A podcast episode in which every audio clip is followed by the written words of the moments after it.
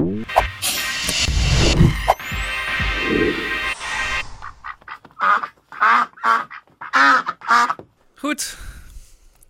Lieve luisteraars en luisterinnen, dank dat jullie weer ingeschakeld zijn bij Wij van Geen Stijl. Naast mij zit Bart Nijman, mijn naam is Constantijn Roedolfs en sorry seems to be the hardest word, maar je gaat het toch even zeggen Bart. Ja, ik wil graag beginnen met het aanbieden van mijn excuses. Want ik zei een week geleden in deze podcast zei ik dat ik uh, dacht dat het geen aanslag was van de verwarde Syriër in Den Haag die een paar mensen neerstak en bij één iemand de keel afsneed. Uh, I'm gonna go out on a limb here en ik ga gewoon zeggen dat het geen weloverwogen bewuste aanslag was. Ik zei dat ik dacht dat het een um, man was met een getroubleerd oorlogsverleden. Ja. Uh, oorlogstrauma en dat hij gewoon doordraaide. En deed wat in zijn gebied gebruikelijk is als mensen doordraaien. Namelijk met een mes andere mensen te lijf gaan terwijl je alle akbaar schreeuwt. Ik geloofde nog een beetje in het verwarde mannen uh, verhaal. En ik vertrouwde nog enigszins op de autoriteiten. En boy was I wrong. You are wrong. Want, namelijk, wat is er gebeurd? Ja, nou ja, gisteren is dus bekendgemaakt gisteravond door het Openbaar Ministerie. Dus uh, nou ja, een autoriteit. Ja. Dus we geloven het wederom. Ja. Uh, dat uh, deze verwarde Syriër uh, al langer gesignaleerd stond. En dat er ook vooral een waarschuwingsbriefje anoniem over hem was ingeleverd. Waarin in gebrekkig Engels werd gewaarschuwd dat mijn heer van zins was om een aanslag of anderszins geweld, geweldsdelict te plegen. Ja. Al dan niet uit naam van zijn religie. Ja. En uh, nou ja, al dus uh, heeft hij gedaan. En dat betekent dat ik mijn excuses aan moet bieden. Want dit lijkt er nu toch wel op dat het wel een aanslag was. Wat Ja. nog veel erger is, is dat uh, Pauline Krikke, de burgemeester van Den Haag... helemaal Josias van Aartsen ging vorige week. Ja. En, en, en suggereerde dus dat er niet zoveel aan de hand was. En dat het een verwarde man was. Maar dat blijkt dus met de kennis van het OM van nu niet waar. Ja, want zij zeiden haar woorden waren dat er geen signalen waren dat het om meer ging dan, dan een verwarde man. Uh, maar die signalen waren er dus wel degelijk. En die waren dus al gedeponeerd bij de veiligheidsdiensten. En die veiligheidsdiensten hadden dus al de politie ingeseind van Den Haag. Um, maar daar is dus vervolgens niet op gehandeld door het uh, Haagse gemeente. Nee, en op, op Omroep West lazen wij dat de driehoek zogenaamd van niks wist. En ook Paulien Krikke heeft gisteravond laat nog gereageerd en gezegd... ik was niet op de hoogte van dat briefje. Ja. En dat is enerzijds ofwel een leugen. Ja. Dat kan, dat, dat, dat geloof ik nu, dat het een leugen kan zijn. Omdat uh, we uh, weten dat het verwarde man scenario van vorige week alles behalve klopt. Of Ja. alles behalve volledig was. Uh, en anderzijds, als het wel waar is, is het misschien wel nog erger. Want dat betekent dat die keten niet werkt. Dat er dus wel dreigbrieven binnen kunnen komen, of waarschuwingsbrieven over dreigende aanslagen. En dat daar dan dus niemand iets mee doet. In de hoogste echelons van waar ze er wel iets mee zouden moeten doen. Ja, maar even, even ter verdediging van Paulien Krikke. Den Haag is natuurlijk jihad capital, waar uh, haatpredikers als Osama C. en uh, Fawaz al uh, jarenlang hun gang gaan. grootste percentage uitreizigers van Nederland. Complete wijken die wel eens als sharia-driehoek altijd niet foutief zijn, uh, zijn ja, gekarakteriseerd. Kan het niet zo zijn dat er überhaupt te veel van dit soort mensen en te veel van dit soort signalen zijn voor zo'n burgemeester om daar allemaal nog zicht op te ja, houden? Jij denkt dat er een postvakje is ergens bij het Haagse OM of bij de Haagse driehoek, waar de, de, de, een postvakje verwarde mannen, waar al dit soort dreigbriefjes misschien op binnengelegd worden. Nou ja, het, uh, het, gaat, het gaat om tientallen, zo niet honderden mensen. Nou ja, het, het, het, uh, even iets serieuzer inderdaad. Voor iedere teruggekeerde Syriëganger of iedere potentiële niet uitgereisde Syriëganger of jihadist uh, heb je misschien wel twintig man nodig om ze goed in de gaten te kunnen houden. Ja. Het is niet zo dat je gewoon één ambtenaar op iedere potentiële gevaar kan zetten. Er is gewoon, daar hebben we de mensen de middelen niet voor. Dus het is, het is niet ondenkbaar dat het inderdaad door de mazen van is geglipt. En dat er meer van dit soort waarschuwingssignalen zijn. Of dat de resources die er zijn op andere plekken werden ingezet. Waardoor ze gewoon simpelweg niet aan dit briefje zijn toegekomen. Ja. En dat het briefje nu met terugwerkende kracht over deze man alsnog opduikt.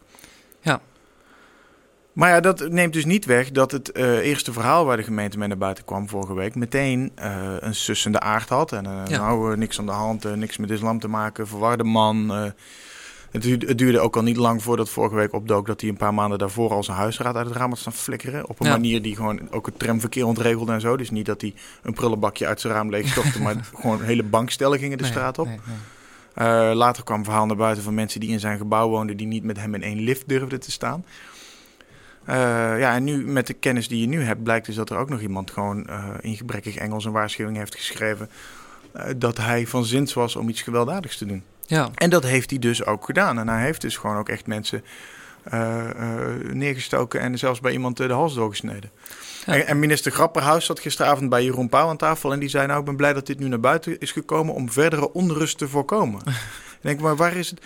Waar zijn de slachtoffers überhaupt in dit verhaal? Het gaat alleen maar over die dader, die, die ook nog helemaal gedownplayed wordt, waarvan we nu uit de keten uh, die daartoe bevoegd is en daartoe kennis hoort te hebben, nu een week later horen van ja, hij uh, was uh, toch, we hadden toch een wat, wat groter rode vlaggetje, rood vlaggetje achter zijn naam moeten zetten. En, en dat er dus zo'n anonieme melding nu ligt waar niks mee gedaan werd, waar ik een hele leuke tweet over zag van Roelof Bouwman. Een anonieme melding in gebrekkig Engels is onvoldoende om een terrorist aan te houden, maar natuurlijk wel voldoende voor een verblijfsvergunning, een uitkering, zorgtoeslag en voorrang bij het zoeken van een huurwoning dat is, dat, daar zit natuurlijk wel ook weer een lekkere cynische kern van waarheid in. Ja, maar je, ziet, je ziet heel duidelijk waar, waar de eerste reflex zit bij de bestuurlijke elite, bij de VVD. Die, die zijn vooral heel erg bezig met zorgen dat er geen, geen onrust ontstaat in de beeldvorming.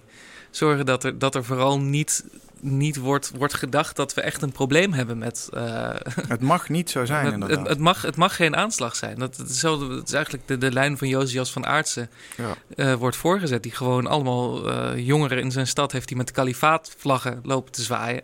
Ja, die ISIS-vlaggen aan politieauto's hingen. Ja, precies. En, en dat wordt dan ook allemaal maar gedaan alsof dat maar gewoon een beetje qua jongens zijn. En alsof dat het verder helemaal niet in verband staat met de mondiale crisis van de radicale islam. Want dat, dat mag gewoon niet zo zijn in, uh, in Den Haag. En het, ik vind het ook wel grappig dat je dus ziet dat, dat zo'n Paulien Krikke, wat natuurlijk een partijdier is, puur zang. Zo wordt ze ook gekarakteriseerd, onder andere door haar collega's van de partij. Zoals uh, uh, wethouder in Amsterdam, Erik van der Burg. Die zegt van ze is echt een netwerker. Ze staat op elke borrel, zit in scoutingscommissies. Alsof dat iets positiefs is. Ja. Um, maar goed, dus, dus dat zij vanuit wat is natuurlijk zo iemand die nooit in echte wereld gefunctioneerd heeft. Altijd alleen maar partijpolitiek baantje naar baantje op baantje heeft gestapeld. Dat die het dus kennelijk politiek opportun acht om zoveel mogelijk aanslagen onder het tapijt te schuiven om zo niet haar eigen carrière in gevaar ja. te brengen. Alsof zo, zo de cultuur is binnen de VVD. Ja. Want je ziet die reflex ook bij Van Aartsen, je ziet die reflex ook bij de bewindspersonen, ook bij Rutte. Um, is, is dat eigenlijk, want er wordt altijd wel vanuit linkerhoek altijd gezegd van ja, de, VVD radicaliseert, wordt steeds rechtser. Uh, men heeft daar PVV-corvée om zoveel mogelijk moslims te haten, om niet te veel stemmen te verliezen aan de, aan de PVV. Terwijl je eigenlijk, wat, wat er in feite gebeurt, is dat juist al die, die mensen die, die echt aan de levers of power trekken van de VVD, die doen zoveel mogelijk om um, dat terrorisme uit die islamitische hoek te trekken. Er zit, ook, er zit misschien ook een zekere naïviteit in. Want we zagen vandaag ook uh, burgemeester Jan van Zanen van Utrecht, ook een VVD'er ja, ja, ja, ja, die uh, bij de Dawa-groep uh, op een of andere bijeenkomst komt in Utrecht. En dat is ook gewoon politieke islam. Dawa is ja. bekering op missionaire, missionaire wijze, dus zonder geweld. Dawa is ja. de geweldloze vorm van jihad. Ja. Maar het is, heeft hetzelfde doel. Mensen kennis laten maken met de islam of uitnodigen tot, uh, tot de islam. En daar staat zo'n Jan van Zanen ook glunderend op zo'n poster met Dawa over zijn ambtsketting heen. Uh, ja, ja, maar dat, toevallig dat, op de foto, maar het ziet er heel slecht uit. Die, die groep waar, waar, waar onze, onze grote vriend Dennis Honing natuurlijk ook bij zat, die echt met die provocatie en die, die, die hele zichtbare vorm, dat, dat, dat, dat, dat uitdagen. Het zijn Jehovah's, ze komen de Koran bij je uitdelen. En aan, een beetje aan je opdringen. Een beetje, ze, ze, ze, ze spreken beleefd, maar het doel is, uh, is gewoon jou in hun club winnen. Ja, en dat, en dat is dus ook een groep die in verbinding staat met die radicale predikers en met die uitreizigers. Ja, precies. Dus het is helemaal geen onschuldig fenomeen. Nee, want het is onderdeel nee. van dezelfde politieke beweging die tot doel heeft om de islam als, niet alleen als religie uh, te bewaken of te doen groeien in het land, maar ook uh, bestuurlijke, bestuurlijke macht te geven. Of rechtelijke macht ook als het richting sharia gaat. Nou ja, Nederland dus betrekken bij die UMA, bij die wereldgemeenschap van, van ja, de landen die onder de islam vallen. Ja, en daar staat dan zo'n zo Van Zanen staat dan vrij achterloos op zo'n poster. En dan vraag ik me af. Er zit, ik, ik geloof nooit dat er kwaadaardig Ik denk dat er alleen maar goede bedoelingen achter zitten. Ja. Nou, we moeten de moslimgemeenschap te vriend houden. Maar wel vanuit een enorme naïviteit. Ja, ja, ja. ja. En dat is, uh, dat is zorgelijk. En dat zie je bij zo'n krikker misschien ook. Ik zag nog een andere leuke tweet over haar. Vroeger in Arnhem zag je haar gewoon op straat en deed ze haar ding met haar bijna twee meter lengte. Was ze een graag geziene burgermoeder. Ik schrik me de tering hoe zij in het Haagse stramien is gaan leunen. Er is niets over van de bestuurder die ze was. En dan Nee. staat er nog in, in lokaal dialect zuund achter. ja. Zonde. Ja, nou ja, goed. eh, het is natuurlijk een, iemand met een mixed, eh mixed pas. Ja, eh, in Arnhem is ze dus aan de ene kant ook wel geliefd onder bepaalde mensen, onder bepaalde fracties. Aan de andere kant krijgt ze het verwijt dat ze Arnhem veel te weinig gezicht heeft gegeven, veel te weinig daadkracht heeft getoond. Dat- Ehm, die stationsverbouwing was een ramp. ja, precies. En nou ja, goed. En, en, en dat je dan dus eigenlijk met zo'n meh beoordeling dan niet maar wat anders moet gaan doen met je leven, maar gepromoveerd wordt naar een grotere stad. Met grotere problemen. En, en, en ook nog eens, ja goed, eh, ik heb even de stemverdeling erbij gepakt. Hè? Dat, dus dus had, had Den Haag nou eigenlijk gevraagd om nog een VVD'er. Ehm, tijdens het bewind van Josias van Aarts en eh, ook van de VVD daalde het aantal zetels voor de VVD in 2014 eh, naar vier. Dus eh, Van hoeveel? van de 45, dus minder dan 10% van de gemeenteraad van Den Haag was VVD. En dan nog krijg je zo'n VVD-burgemeester die gewoon het beleid van de, Ja. van de voorzitter, van de voorganger mag eh Ja, voortzetten. en die wanneer geconfronteerd met een echt issue, eh, wat nog altijd eigenlijk echt onbespreekbaar is. Ja, We, we gaan van incident naar incident, krijgt iedere keer een stempeltje verwarde man of niks aan de hand of schuld van de boze rechtse populisten ja. of boehoe, daar komt Pegida weer. Eh, eh, zodra ze daarmee geconfronteerd wordt, vlucht ze in, eh, in, in, in excuses en in ontkenningen dat ze ergens iets van wisten. Ja, dat, dat maakt me des te bezorgder over wat er in de toekomst nog gaat gebeuren. Want dit is echt niet de laatste keer. Ik Nee. zeg ook niet dat we aan de vooravond staan van een, van een islamitische burgeroorlog of zo. Maar wel dat dit soort dingen vaker gaan gebeuren en dat ze misschien beter te voorkomen zijn met meer eerlijkheid van de instanties en de diensten en de boven ons gestelden en de bestuurders. ja, maar goed, daadkracht en, en echt gewoon zeggen: jij, eh, jullie horen niet bij deze maatschappij. Dat, dat durven ze niet. Dat, dat kan niet in, in een soort van. Want die, die, al die beroepsbestuurders die dus van baantje naar baantje hoppen, die doen dat alleen maar omdat ze heel goed zijn en niemand echt boos maken. Ja. En, en daardoor kunnen ze nooit echt daadkracht hebben. En zo'n krik is daar echt natuurlijk het schoolvoorbeeld van. Ja. En, en terwijl toch gewoon het, het grote probleem is met die radicale islam... is dat ze zich dus niet aan de stilzwijgende afspraak van het poldermodel houden. Dat je namelijk wel dus die vrijheid van onderwijs krijgt... en wel al die subsidie. Alleen dat je dus gewoon niet Niet, met geweld... ja, of op andere wijze staat. Probeert en om ook- je invloedssfeer uit te breiden Ja. buiten je eigen bubbel. Precies, ja, uit die eigen kring. En, en dat is dus het grote probleem. Met, met waarom, waarom die, hele, die hele islam niet in zo'n postverzelde maatschappij valt in te passen. Omdat ze zich niet aan de regels van, de, Ja, wij zijn, van het poldermodel houden. wij zijn altijd gewend geweest aan een soort vreedzame coexistentie tussen Ja. verschillende zuilen van arbeiders en gereformeerden en protestanten Ja. en katholieken en noem de sociale maatschappelijke groepen maar op. En daar is nu die islamzuil bijgekomen en die houdt zich daar niet aan. nee, want En wij- en wij SGP, zijn- eh, wij, wij hebben geleerd hoe je de confrontatie moet vermijden tussen zuilen, terwijl zij eh, op de lange baan toch uiteindelijk die confrontatie opzoeken. ja, zoals zo'n Dawa-groep. Die dus actief probeert te bekeren. Ik bedoel, de SGP, er wordt altijd gezegd... ja, maar de SGP heeft ook hele domme denkbeelden. Ja, maar de SGP gaat niet soort van midden in Den Haag gaan staan flyeren... en in de gemeente van de Raad van Den Haag roepen... dat eh, Allah de Zionisten moet vernietigen, weet je wel? Zoals Ja. zo'n Partij van de Eenheid wel doet onder ja, die landverrader Arnold van En, Doorn. zij, en zij, proberen En de, zij proberen hun rechten eh, vaak te verdedigen aan de hand van ons staatsrecht. Ja. Ze zijn staatskundig heel zuiver. Ja, Eh, omdat ze weten dat als zij hun gereformeerde eh, preek gaan houden, dat iedereen afhaakt. Terwijl als je Ja. het ophangt aan hun rechten, dan is er ineens veel meer begrip voor hun standpunten. En dat doen die, dat doen die politieke gedreven moslims juist helemaal andersom. nee, want die gaan alleen maar op, op, op, op racisme en alleen maar op die fudge ja, factors. die geven van, een ander de schuld. Ja. ja. Die proberen niet hun eigen positie te beschermen aan de hand van geldende regels. Die proberen ons te onderwerpen aan hun. Ja. eh, aan hun ja, met, met dus guilt trips van, van racisme en uitsluiting. Ja, guilttrips die heel goed En- werken in bepaalde kringen. Zoals Ja. bij eh, politici voornamelijk. Ja, En dan Goed. staan we nu ook nog eens aan het begin van de Ramadan. Dus het wordt, kan ook nog wel eens een hete maand worden. Want dat is traditioneel gezien de afgelopen jaren een maand geweest. waarin er bovengemiddeld veel aanslagen en Ja. ongelukken waren. Dus ik denk dat het tijd wordt om naar een wat vrolijker onderwerp te gaan: toerisme in Amsterdam. yes, nog zo'n tsunami. Er is uh, zowaar eh, over wel politieke daadkracht en eh, wensen van het electoraat gesproken.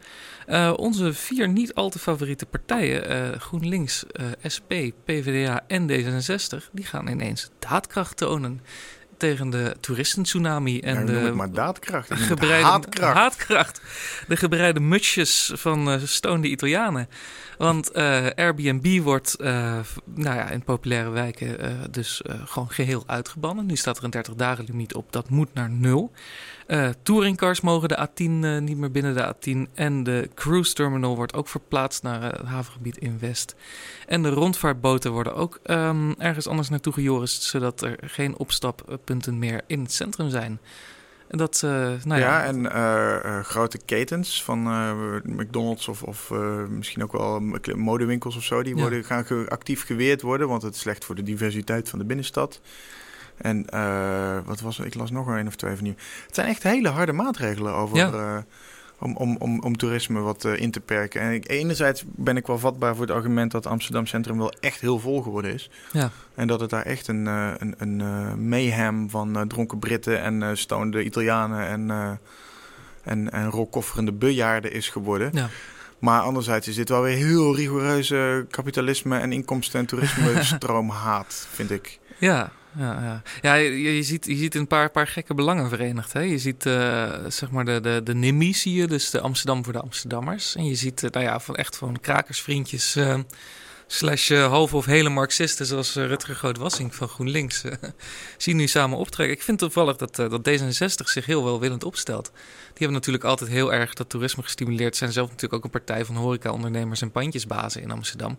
Noemen zich liberaal ook nog. Ja, maar eh, die hebben dus blijkbaar eh, hun, eh, hun kenmerkende ruggengraat getoond door toch maar met deze maatregelen in te stemmen om maar te kunnen regeren. Ja, precies. Dus ja. dan valt het kwartje van D66 ook eens een keer de andere kant op. Ja, nou net, als, net, zien, als op, net als landelijk Ja. hebben ze inderdaad aardig wat ingebonden op een paar principes om, om er toch maar weer bij te mogen. Terwijl ze ook gewoon groot verliezer van de verkiezingen waren. Net zoals de PvdA voor hen en nu weer. ja, En die waren onder Asscher destijds al begonnen met het dichtspijkeren van de wallen. ja, Het, het eh, kennelijk hopeloos gefaalde project 1012. ja. Eh, dus die zullen misschien eh, in die lijn iets door willen zetten. Maar het is, ik vind het opvallend dat de stad zo, op zo'n manier zo ja, toeristenvrij gemaakt moet gaan worden. Of toeristenluw of ja, anderszins. toeristenarm, ja. Ja, er is gewoon, er is, behalve dat die toeristen zelf heel veel geld meebrengen, is natuurlijk ook enorm veel werkgelegenheid mee gemoeid. En hoe krijg je een stad waar een, een, een centrum onbetaalbaar is en de buitenwijken gevuld is met modaal tot iets daaronder? Hm. Eh, die moet je aan het werk houden. Ja, waar beter dan in de, in de snelle baantjeswereld van de horeca de toerisme-industrie? En eh, waar, gaan al die, waar gaan al die banen naartoe, denk ik dan? ja, nou ja, En dit, dit zijn niet de partijen, misschien op D66 na, die over dat soort dingen goed nadenken. Want die hebben het alleen maar over een soort linkse idealen. En Hm. die denken dat ieder besluit leidt, eh, een nieuwe stap is richting het regenboogpad naar de totalitaire gelijkheid. maar dat is natuurlijk in de praktijk niet zo. En ik vrees dat dit wel eens heel erg veel banen eh, en inkomsten kon gaan Nou, kosten. ik, nee, ik, ik denk dat er, is ook wel onderzoek naar gedaan, onder andere Cody Horstenbach en Floor Milikowski, die ook een boek heeft geschreven van Wie is de Stad. Waar ook uit blijkt dat, dat op, op een zeker moment is ook wel gewoon dat, dat argument van, van werkgelegenheid en geld opbrengen, dat, dat, dat, dat op een gegeven moment slaat dat om. Op een gegeven moment gaat het gewoon heel veel meer geld kosten. Omdat je gewoon zoveel geld kwijt bent aan handhaving en schoonmaken Ah, juist. en rotzooi, dat het, dat het ook gewoon alleen maar heel veel duurder wordt om heel veel laagwaardig toerisme. Want volgens mij is het ook vooral een plan om het laagwaardig Oké, toerisme. maar dus dan, dan vind ik het, is het nog steeds een Ja. beetje een links verhaal. Sorry dat ik je onderbreek. Maar dan, wat, dat de collectieve lasten dus lager moeten, maar dan wel ten koste van de individuele opbrengsten. Ja, maar goed, van de andere kant, wat is nou links? Hè? En, en wat is nou staatsinmenging? Is het bijvoorbeeld staatsinmenging dat vliegen gewoon kunstmatig heel goedkoop gehouden wordt, waardoor echt allemaal mensen met EasyJet hierheen kunnen komen? Ehm, is, het, is het linksbeleid om, ehm, om, om heel veel eh, sociale huren in, in de stad te hebben, waardoor je dus inderdaad Een bepaalde diversiteit zo'n waarborgt. verkaveling hebt, waardoor dat Airbnb bijvoorbeeld heel makkelijk is, weet je wel? En, en dus, dus van de andere kant, ja, er, er is inderdaad overheidsbeleid, maar dat is er altijd natuurlijk in een, in een hooggemanagede stad als Amsterdam. Oké, nou ja, samenvattend komt het op mij nogal rigoureus over. Dat er ergens een midden gevonden moet worden tussen toerisme en leefbaarheid. Ja, En dat die zeker in de, in de absolute binnenstad enigszins overhoop ligt. ja. Zeker in de, in de warme maanden. Dat, Ja. dat, dat, dat kun je denk ik niet echt ontkennen. Maar de, de, wat ze nu vandaag allemaal aangekondigd hebben, komt wel erg rigoureus over. ja. Trouwens, ik wil nog even één ding onder de aandacht brengen. En dat, eh daar komen ineens al onze hobby's samen voor vandaag. Oh. Paulien Krikke, eh, Amsterdam en referenda. Want dat is het bruggetje. Eh referen- de, de, Paulien Krikke heeft in haar tijd als wethouder... wou ze heel graag een hele grote haven aanleggen bij Ruigoord, de Afrika-haven. En daar was iedereen tegen, want die was eigenlijk niet zo nodig. En er ging heel veel natuur aan verliezen, eh, verloren. En het dorpje Ruigoord zou kapot gaan. En daar, uh, daar wou eigenlijk uh, Amsterdam en Milieudefensie en, uh, en allemaal NIMBY's, die wouden daar een referendum voor. Want zij is wethouder geweest ook nog Zij is wethouder geweest in Amsterdam. En toen heeft, heeft zij dus het, het referendum de nek omgedraaid. En toen was D66 daar erg verdrietig over, want toen was D66 nog helemaal voor referenda. Dus zo zie je maar wat er sinds 1998 veranderd is in het politieke landschap in Nederland. Nou ja, zo zie je ook maar dat het iedere keer de bestuurders zijn die voor de inspraak van de burgers gaan liggen. Ja. Ze laten zich eerst kiezen om vervolgens uh, al onze keuze af te pakken. het is een raar systeem, maar. is het dan. Het is een raar systeem. Over, over raar gesproken, gisteren was natuurlijk, de, uh, nou, nou je toch over referenda begint, wil ik het nog ja. snel even aanstippen.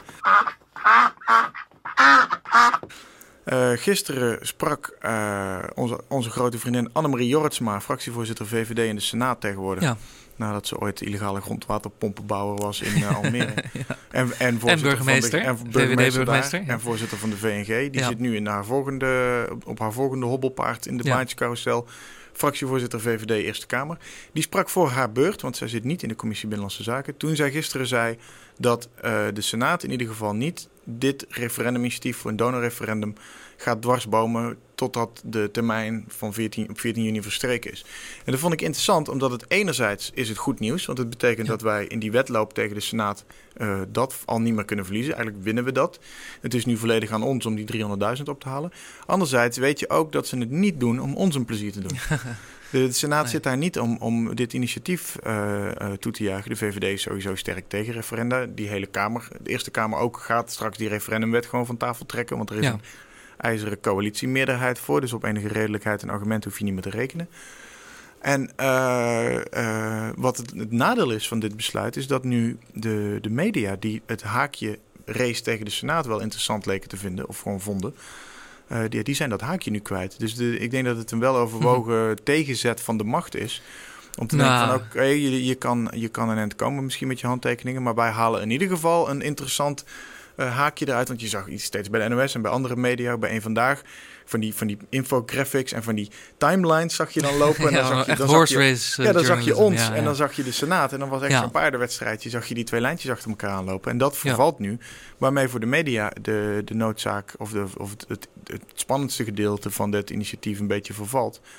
En uh, voor ons is dat, vind ik toch jammer, omdat wij die media-aandacht ten eerste nodig hebben. Ja. Uh, we zagen gisteren zaten we in het uh, NOS-journaal met, een, met een kort onderwerp. Nou, daar zag je meteen duizenden handtekeningen erbij komen. Want dan Ja. komt het buiten onze eigen filterbubbel, internetbubbel. Op plekken waar het anders niet kwam. En ik kreeg ook ineens mailtjes van oudere mensen die zeiden... Ja, eh, ik, ik hoorde nu pas van, jullie moeten echt beter je best doen dit onder de aandacht te brengen. Want Ja. dit is een heel goed initiatief. Ik had echt drie of vier van dat soort mailtjes. Van Ja. duidelijk wat oudere mensen. Maar ehm, eh, eh, ons, ons probleem een beetje is met dit initiatief. eh, ik denk echt dat die potentie er is. Daar geloof ik heilig in. Maar het bereik is een ding. En wij kunnen niet à la Oekraïne-referendum uh, matrozenpetje opzetten en de clown gaan uithangen. Ja. No offense naar Jan Roos. Die heeft destijds in 2015 die rol met verven en succes vervuld. En bij de EU kan dat, want dan val je in een groot instituut aan. En dan denk je, ja, daar, mag je een beetje mee fucken. Dat is Ja. niet zo erg. Uh, maar in dit geval gaat het over orgaandonatie, over zieke mensen, over wachtlijsten. Daar ga je dus niet met een clownspetje op de kliniekclown uithangen om, om dat onder de aandacht te brengen. Dus daarom was dat haakje van die horse race zo interessant. Omdat ja, maar, maar, ja, maar denk je dan niet dat, dat, uh, dat de, de VVD in de Eerste Kamer of de Eerste Kamer sowieso ook niet... Uh, ook daarom dus, dus in één keer nu ook fair play speelt en het gewoon dit, dit referendum nog met een bepaalde waardigheid behandelt, omdat dit ook het onderwerp is. Wat het heeft niks uh, met waardigheid te maken als het over ja. de Senaat gaat, denk ik. Of, of in ieder geval over de VVD in ieder geval niet. Het gaat er gewoon om dat zij niet midden in deze race met al die camera's erop gevestigd die referendumwet willen intrekken. Want dat is al een beetje Nee, een pijnlijke ja. episode. Die doet bij D66 al pijn. Ja, Dat vinden veel mensen al heel vervelend. En als ze dan ook nog eens uh, een initiatief in de knop zouden breken of voor de finish zouden laten struikelen door die wet in te trekken, dan heb je en die aandacht op die intrekking ja. en, het, uh, en, en er wordt gewoon niet de kop ingedrukt. Ja, dat levert gewoon bad publicity op en, en Hm. slechte emoties. En dat, het is gewoon PR-technisch niet handig. Dus dat zij zichzelf uit die race halen is PR-technisch wel handig. ja. Levert één dag nieuws op en dat is vandaag iedereen alweer vergeten. ja, maar je bekijkt het dus met een cynische blik. Ja, ja, ja, ja, als het over politici gaat, dan uh, is mijn vertrouwen uh, al niet... Ja, nou, ik, ik heb net een excuses aan moeten you. bieden... Omdat ik een politicus geloofde vorige week. Ja, nou ja, daar gaan we al. Goed, ik hoop dat uw vertrouwen in de mensheid uh, ook nog het, deze uitzending een beetje heeft overleefd. En uh, vergeet vooral niet te tekenen. Vergeet vooral ook niet uh, al uw vrienden en bekenden en familieleden aan te sporen. Surf naar referendum.nl en teken, dan gaan wij weer krabbels verzamelen. Ja, en een andere race verzinnen.